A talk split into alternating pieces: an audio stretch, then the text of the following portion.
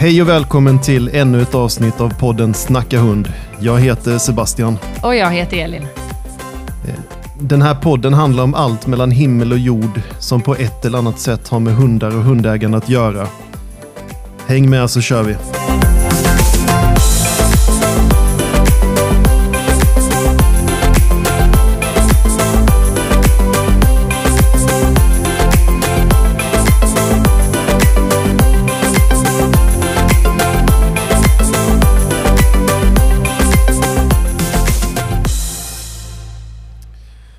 Har du hittat några kantareller sen sist? Det vet du. Det har vi verkligen gjort. Eh, och det är fortfarande bajspåsen som är det bästa redskapet när man är ute i svampskogen. Ja, det är ju som sagt inte fel att ha någonstans att förvara dem om man inte har med sig någon korg eller hink eller någonting. Nej, det, en bajspåse har så många användningsområden. Men eh, idag ska vi inte plocka svampar eller prata om svampar utan vi hade ett annat ämne som vi tänkte prata om. Ja, verkligen. Eh, för idag så tänker vi att vi ska prata om en ras.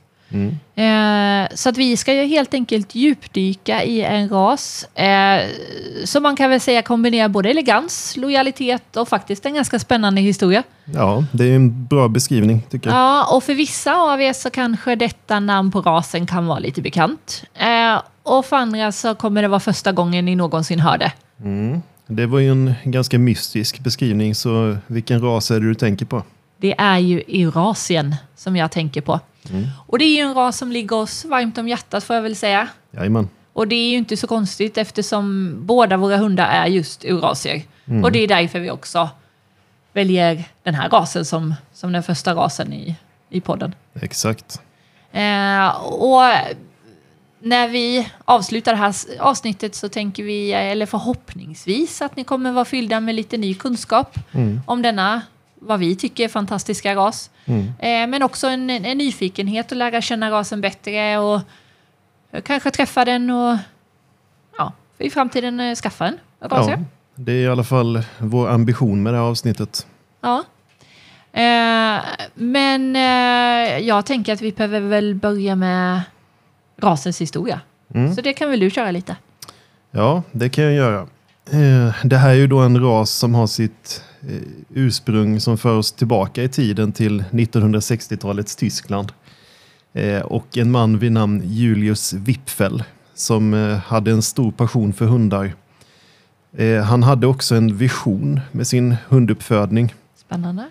Han ville nämligen skapa en hundras som kombinerade de bästa egenskaperna från några av de mest älskade raserna. Så eh, syftet med hans uppfödning var att ta fram en medelstor och vacker europeisk spetshund som hade tilltalande färger och en speciell mentalitet.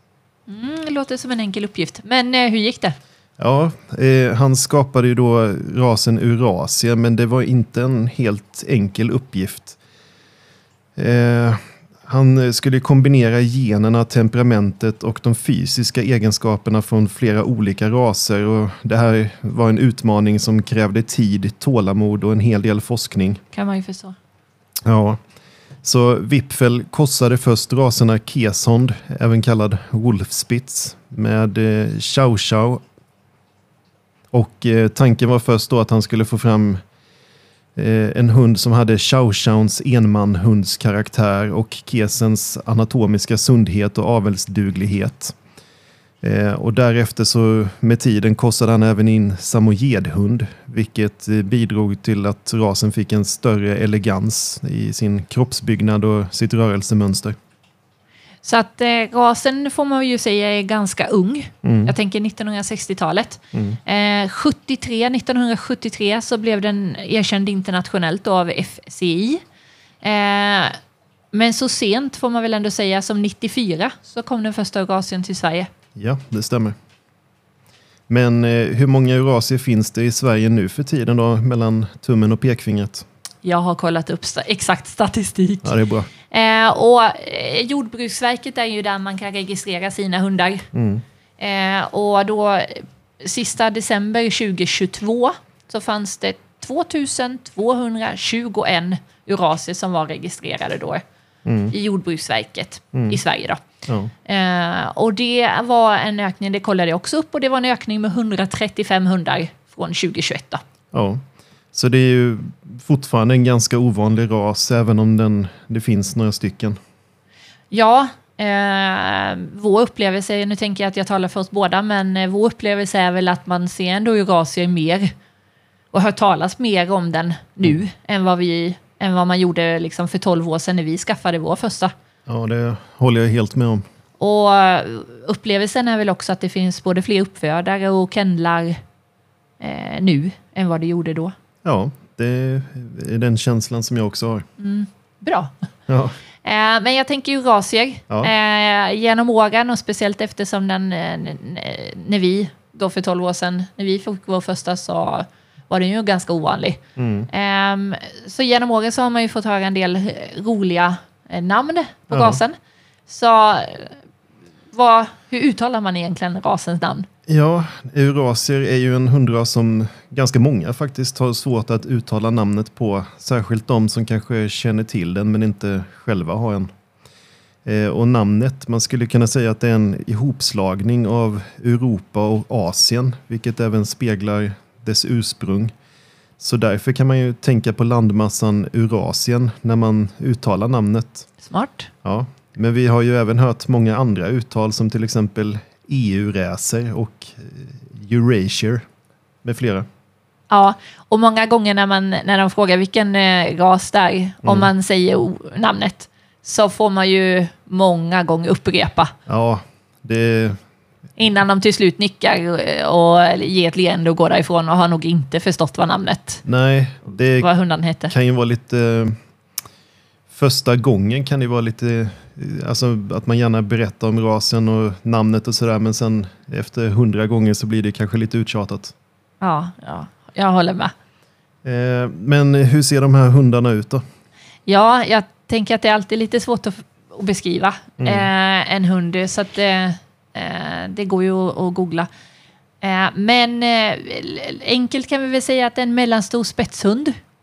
Eh, så att de har upprättstående ögon eh, och en svans som, som eh, bärs över ryggen eller lite åt sidan. Mm. Eh, så att den ser ut som en eh, kringla. Ja, den ska ju inte hänga rakt ner. Nej, precis. Eh, och enligt rasstandarden så, så står det att de ska vara harmoniskt byggda och benstommen ska vara medelgrov. Mm. Det är ju en beskrivning som kanske inte säger så mycket för gemene man egentligen. Men, Nej, Eh, men eh, enligt rasstandarden så ska hanar ha en mankhöjd på 52 till 60 cm och tikar 48 till 56 cm. Eh, och viktmässigt så ska hanar ligga på mellan 23 och 32 kilo och tikar 18 till 26. Sen finns det ju såklart individer som är både lite större och lite mindre än så här men det är, ja, det, det är de vikten och måttet som gäller enligt rasstandarden. Precis. Och det som kanske är lite annorlunda och, och spännande med rasen det är ju att tungan eh, kan vara antingen rosa, blå eller blåfläckig. Så att, eh, Och vi har ju en som har fläckig tunga och en som har blå. exakt. Och det, det är fortfarande när man går, om man går till någon veterinär eller någonting. Oj, vilken spännande tunga. Vi- Vissa kan ju tycka att den fläckiga tungan ser lite äcklig ut, har man ju fått höra också. Men det, det, det är ju ingenting som vi har reflekterat över. Men ja, Ja, jag tycker snarare att det ger lite karaktär. ja det tycker jag också. Faktiskt lite roligt så. Men eh, färgen på hunden, eh, det är ju att de... Alltså eurasier kan ju ha många olika färger och färgkombinationer. Ja, verkligen. De kan se väldigt olika ut. Ja, det som är förbjudet, för, förbjudet enligt rasstandarden, det är helvit. Mm. Eh, och då tänker jag att den blir ju lik någon annan ras. Ja, samojedhund till, Till exempel. Ja. Ja, vitfläckig eller leverfärgad. ja, precis. Eh, sen finns det ju en, en, ett gäng färger som är godkända. Vilka färger är det då? Eh, kräm, Mm. eh, fån, röd fån, röd, röd med krämteckning, svart, alltså helt svart, eh, svart med tärn, eller svart med tärntecken, varggrå och viltfärgad. Ja, och eh, vår ena hund är ju då röd fån och den andra är istället varggrå. Eh, om du vill se bilder på dem och bilda dig en uppfattning om hur en eurasier ser ut så kan du surfa in på hund24.se snedstreck hundraser lista snedstreck eurasier. Det var en eh, lång eh, länk. Ja, eller, eller så kan man bara googla på eurasier, det kanske är lättare. kan man också ja. Ja. Och även det finns ju givetvis en rasklubb, Mm. eh, Svenska Eurasierklubben. Ja. Eh, där kan man ju läsa om allt om eurasier och titta på olika färger och Mm. eh, så. Det finns ju en del information på SKKs hemsida också, men eh, kanske inte så mycket bilder. Nej, eh, så är det. Eh, Men jag tänker att vi... nu har vi pratat lite om hur en eurasier ser ut, men det, det måste vi ju ändå nämna att som sagt, vi har ju haft dem nu ett gäng år. Ja. Och man kan väl säga att man, vi har fått ganska många olika beskrivningar av dem. Mm. Eh, jag tänker den ena som är varggrå, han har ju kallats för tjock jämthund. Eh, och det kan man ju förstå eftersom han har ju lite den där teckningen, färgen, men eh, han har ju han- är mer kortbent och grov. Än Ja, en precis, mer jämthund. kompakt. Ja, Ja. Precis. Eh, men det var en, en dam som, som eh, var väldigt eh, sur. Ja, nä, nästan lite, För när, liksom. ja, ja, men lite som att han hade kanske fått för mycket mat. ja, ja, det var roligt men faktiskt. eh, ja, nu, nu, nu var det ju inte den här rasen så att, Nej, nej. så då är det inte så konstigt. nej. Eh, och sen den andra som är röd fån med, med svarta toppar. Han, eh, när han var yngre så kallades han ju för långhårig schäfer. Mm. Även belgisk vallhund Ja. har, jag- har jag hört när han var Ja. valp. Ja. Eh, och barn, eh, när vi kommer med våra hundar så är just barn eh, som säger direkt vad de tycker och tänker. Brukar ju säga att eh, här kommer vargen och björnen. Ja, Och för det att, är ju eh, inte jättekonstigt heller för de... Nej, även, om hans färg är röd fån så kan den ju se nästan ibland lite mer brun än röd ut. Ja, absolut. Eh, och ett annat barn kallade vår ena hund för den tjockaste hunden han någonsin hade sett. Och det här var ju också då när hunden i fråga var lite spinkig och vi försökte få upp honom lite i hullet. Så det, det, det var ju liksom lite... Lite kul. Ja. Men samtidigt kan jag förstå för att just Eurasia har ju också dubbel päls. Mm. Alltså de har ju både underrullen och täckhår. Mm. Och eh, eftersom de då har ganska ofta generellt ganska mycket päls så gör de ju att de ser ganska både stora och fluffiga ut. Eh, däremot så när man badar dem så försvinner ju halva hunden kan man ju säga. Då ser man ju konturerna ja, och då är de ju inte så stora som, som de är när pälsen är torr. nej, exakt. Då är de ganska ynkliga. Mm. Men eh, då har vi beskrivit lite hur eh, en, en eurasier ser ut Mm. eh, rent fysiskt. Om vi tänker på temperament, mentalitet, vad, vad skulle du säga utmärker en eurasier? Ja, de har ju ofta ett okomplicerat sätt och en god anpassningsförmåga. Att de kan anpassa sig till olika förutsättningar. Eh, Det är en trofast hund som ofta har ett nära band till sin familj. Och de, det, det är väl inga hundar egentligen som direkt gillar att lämnas ensamma längre stunder men framförallt eurasier kan vara ganska nära knutna till sina familjemedlemmar. Eh, annars är de vanligtvis lugna, välbalanserade och alerta men utan att för den skull vara skälliga. Och det tänker jag är väl ändå lite speciellt höll jag på att säga, eftersom det är en spetshund. Vissa spetsraser är ju De kan kanske lite mer skälliga än, Ja. än andra. Ja. Eh, men eh, det är ju egenskaper som man eh, bör vara medveten om och eh, framförallt kan de ju ha en liten speciell mentalitet, eller vad säger du? Ja, enligt eh, rasstandarden så kan de vara ganska reserverade mot främlingar.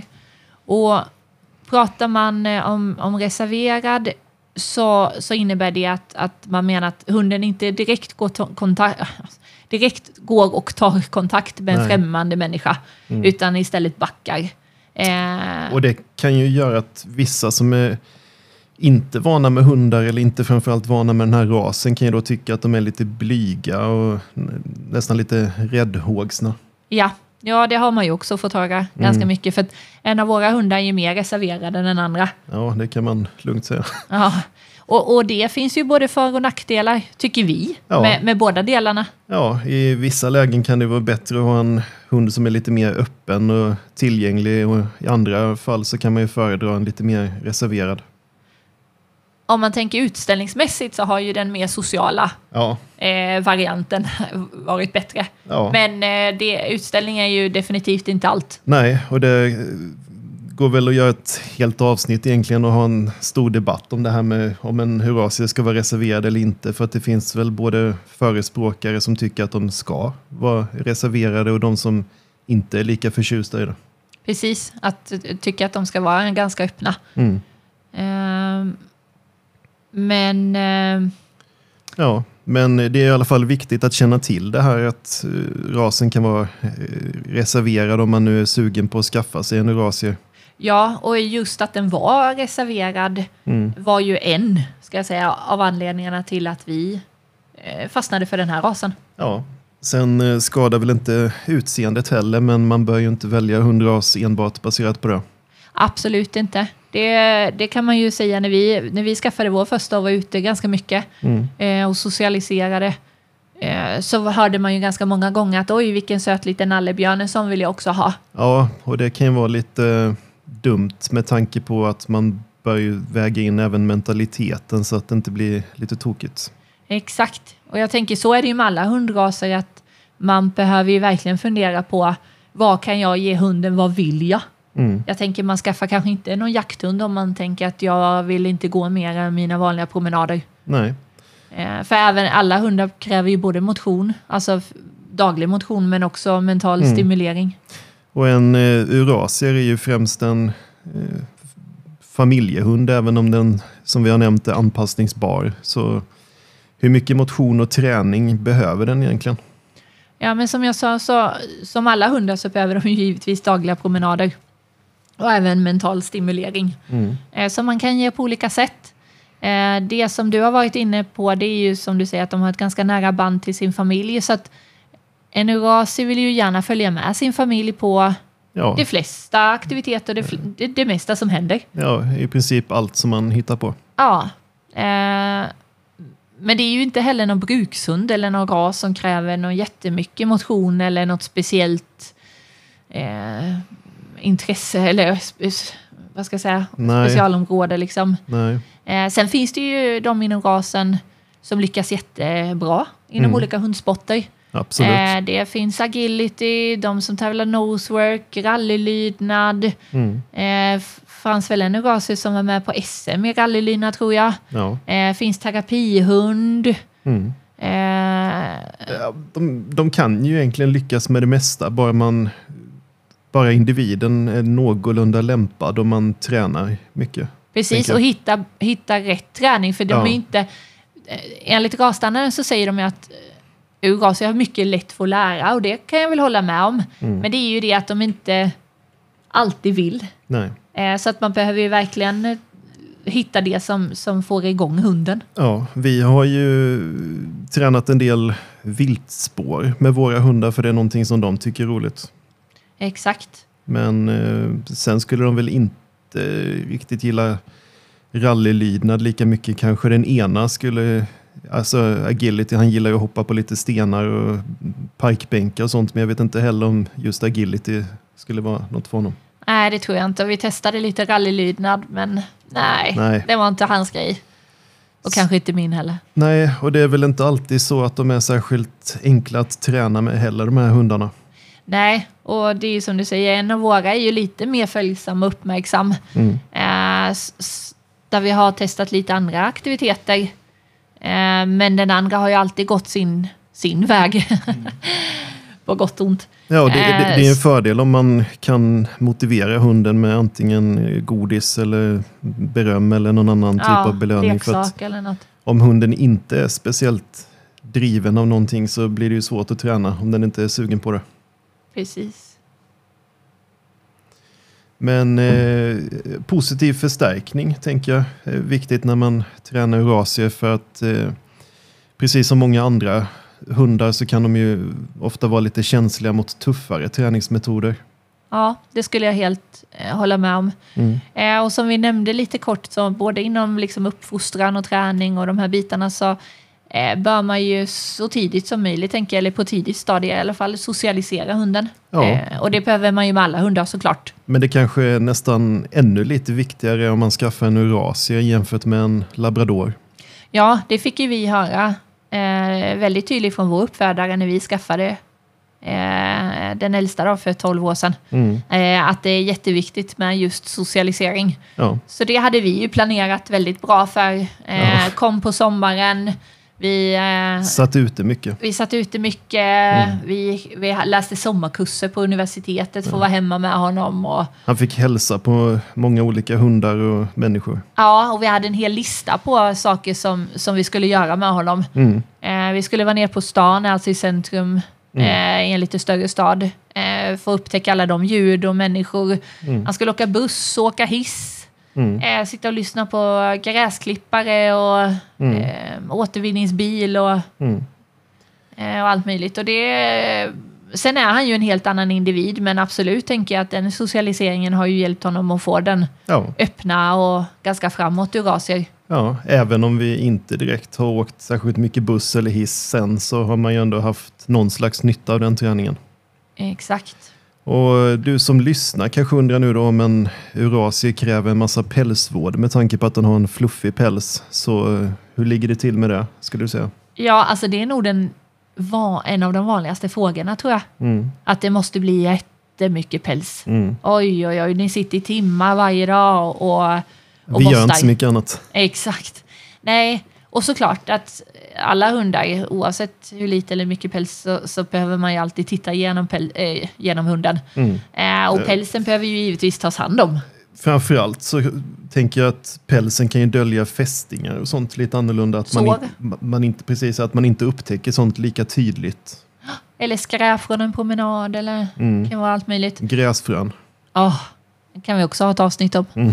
Men, men pälsen, den ska, den ska inte trimmas eller klippas, Nej. förutom i särskilda fall. Det finns ju alltid till exempel en kastratpäls som har blivit jättebesvärlig, kanske man ska raka och, Ja, det, och, och sådana saker. Men det, det är mer, mer undantag. det var ju även någon som bodde i ett område med extremt mycket fästingar där man kunde hitta kanske 50 stycken om dagen på hunden och sådär som valde att på sommaren raka av pälsen för Oj. att underlätta det arbetet. Men generellt sett eh, så ska man ju inte raka eller klippa dem. Nej, för det är ju... Många tänker ju också att eftersom den har så mycket päls så, så blir den ju jättevarm på till exempel sommaren. Men en välarbetad, om jag säger så, päls hjälper ju även till att eh, och hålla inne liksom kyla. Ja, den eh, isolerar emot både kyla och värme så att hunden håller sig någorlunda sval på sommaren och någorlunda varm på vintern. Mm. Och rakar man då bort päls så, så förlorar man ju. Den eh, egenskapen. Ja, men så, som man kanske förstår så behöver man ju inte direkt ha ett tjockt vintertäcke på hunden om den nu har kvar all sin päls. Nej, det har inte vi gjort. Nej. Eller de har, våra har behövt det i alla fall. Nej. Men, men som sagt, man behöver ju givetvis regelbundet borsta igenom pälsen. Mm. Eh, för att undvika eventuella tover som kan uppstå. Och som du säger, hitta fästingar och sår och Mm. skräp som kan ha fastnat i pälsen efter skogen och sådana här saker. Mm. Eh, och sen fäller de ju underrullen en eller ett par gånger om året. Ja, och då är det ju lätt hänt att man får päls på både kläderna och i bilen och på möbler och liknande. Så att även gäster som kommer hem till oss kan ju riskera att få lite päls på byxorna och sådär. Jag brukar, undvi- jag brukar säga till gästerna att undvik svart. Ja, Undvik svarta byxor. ja det är ett bra tips. Eh, Men det finns ju alltid roller som man kan få bort den här. Mm. Och det som är fördelen tycker jag med en Eurasiepäls det är ju att den, den eh, underrull som den fäller är ju väldigt mjuk. Mm. Eh, Fast liksom den, den hamnar ju på golvet eller så i, i sjok. Mm. Så att det är liksom lätt att ta upp. Det är inte de här små stickhåren som kan fastna lite överallt. Utan Nej. det är enkelt att plocka upp det. Ja, dessutom kan man ju, pälsen kan ju komma till nytta också. Ja, alltså det finns ju de som både gör mössor och vantor, vantar Mm. eh, och liknande av just eh, den underrull som har fallit. Ja, man, Vilket är jättehäftigt. om man gillar att sticka eller knippla eller någonting så kan man kanske Knyppla. göra om Jag, jag vet inte hur det funkar, men då kan man väl kanske göra om pälsen till garn och göra något kul med den. Och det är ju faktiskt jättehäftigt. Mm. Att en egen hundspäls liksom kan bli något Ja. faktiskt som man skulle kunna använda. Ja, ett, Eller i alla fall ett, ett ett, kul. litet hårigt smycke eller någonting. Ja, det... Fantasin eh, är fri. Precis. Finns det några särskilda hälsobesvär eller sjukdomar i den här rasen som man borde känna till om man är intresserad av att skaffa en sån här hund? Eh, jag skulle säga, och jag tror att eh, de flesta håller med mig, att Durgaser är en ganska frisk ras faktiskt. Mm. Eh, men som inom alla hundraser så förekommer det givetvis vissa sjukdomar och besvär. Mm.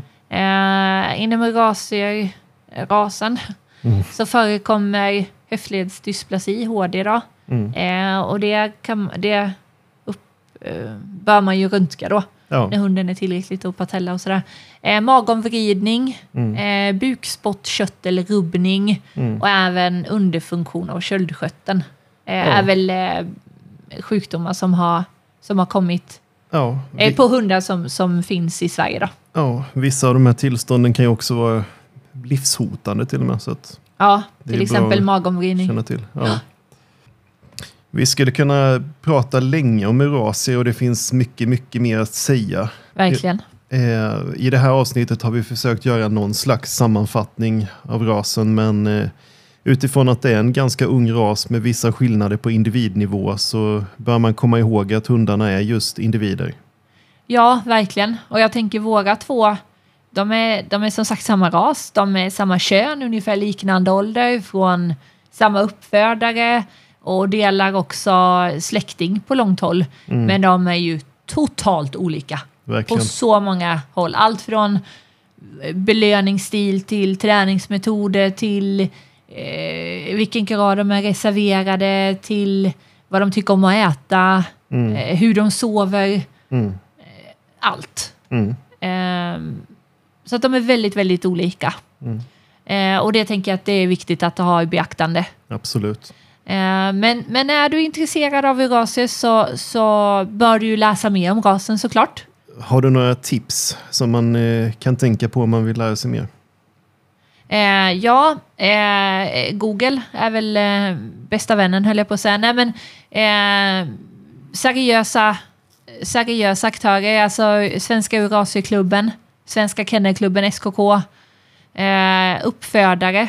Eh, och jag tänker både på SKK och Eurasierklubben så finns det ju lista över de uppfödarna som, som är med, Som är tillgängliga? som är enkelt. tillgängliga Ja. och, och eh, liksom uppfyller kriterierna för en uppfödare. Man kanske även kan se vilka valpkullar som planeras eller finns. Ja, och även omplaceringar. Mm. Det finns ju tyvärr av olika anledningar att eh, man behöver ibland omplacera en hund. Ja. Eh, så att det finns också. Mm. Eh, och där som sagt, som vi sa, så på Eurasierklubben så går det ju att läsa allt från olika färger till hälsostatistik och ännu mer som sagt om både rasens historia och mentalitet och pälsvård och ja, allt, allt vad man behöver egentligen. Jajamän. Och sen bör man ju ta kontakt som sagt med olika uppfödare, träffa många olika hundar utifrån att de är fortfarande ganska olika.